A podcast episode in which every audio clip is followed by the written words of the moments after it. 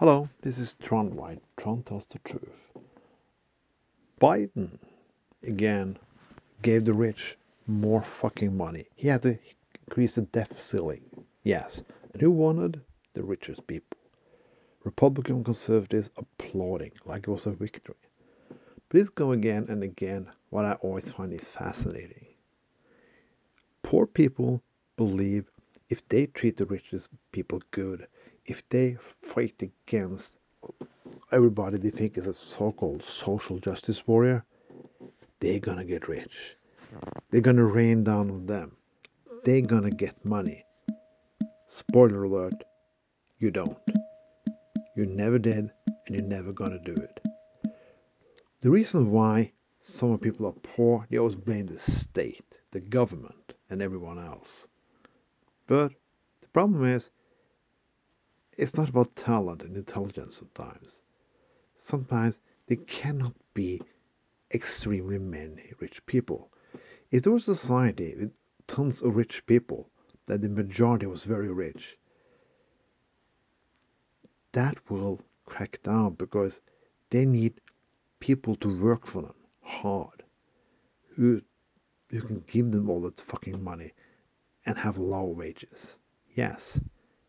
They need a lot of people to fight for the jobs and fight for the scraps so they can get extremely rich.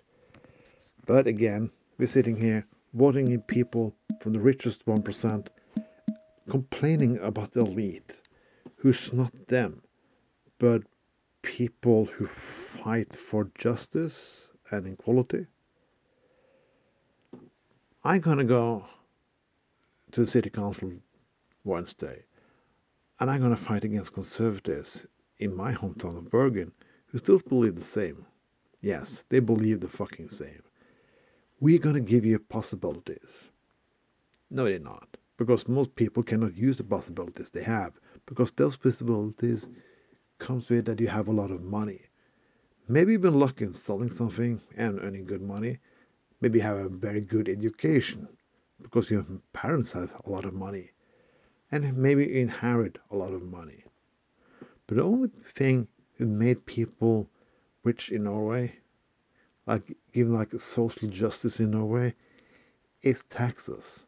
The increase that the state has said that you know what, you can be rich as you want, but you have to pay your fair share.